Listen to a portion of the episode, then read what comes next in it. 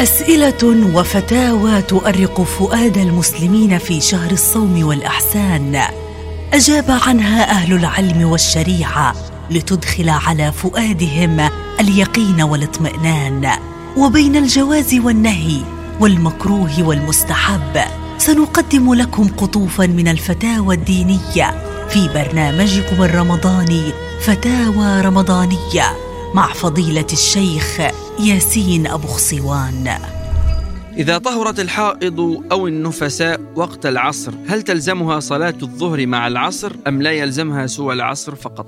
أجاب على هذا السؤال فضيلة الشيخ لؤي الشربجي بالآتي الحمد لله والصلاة والسلام على رسول الله وبعد.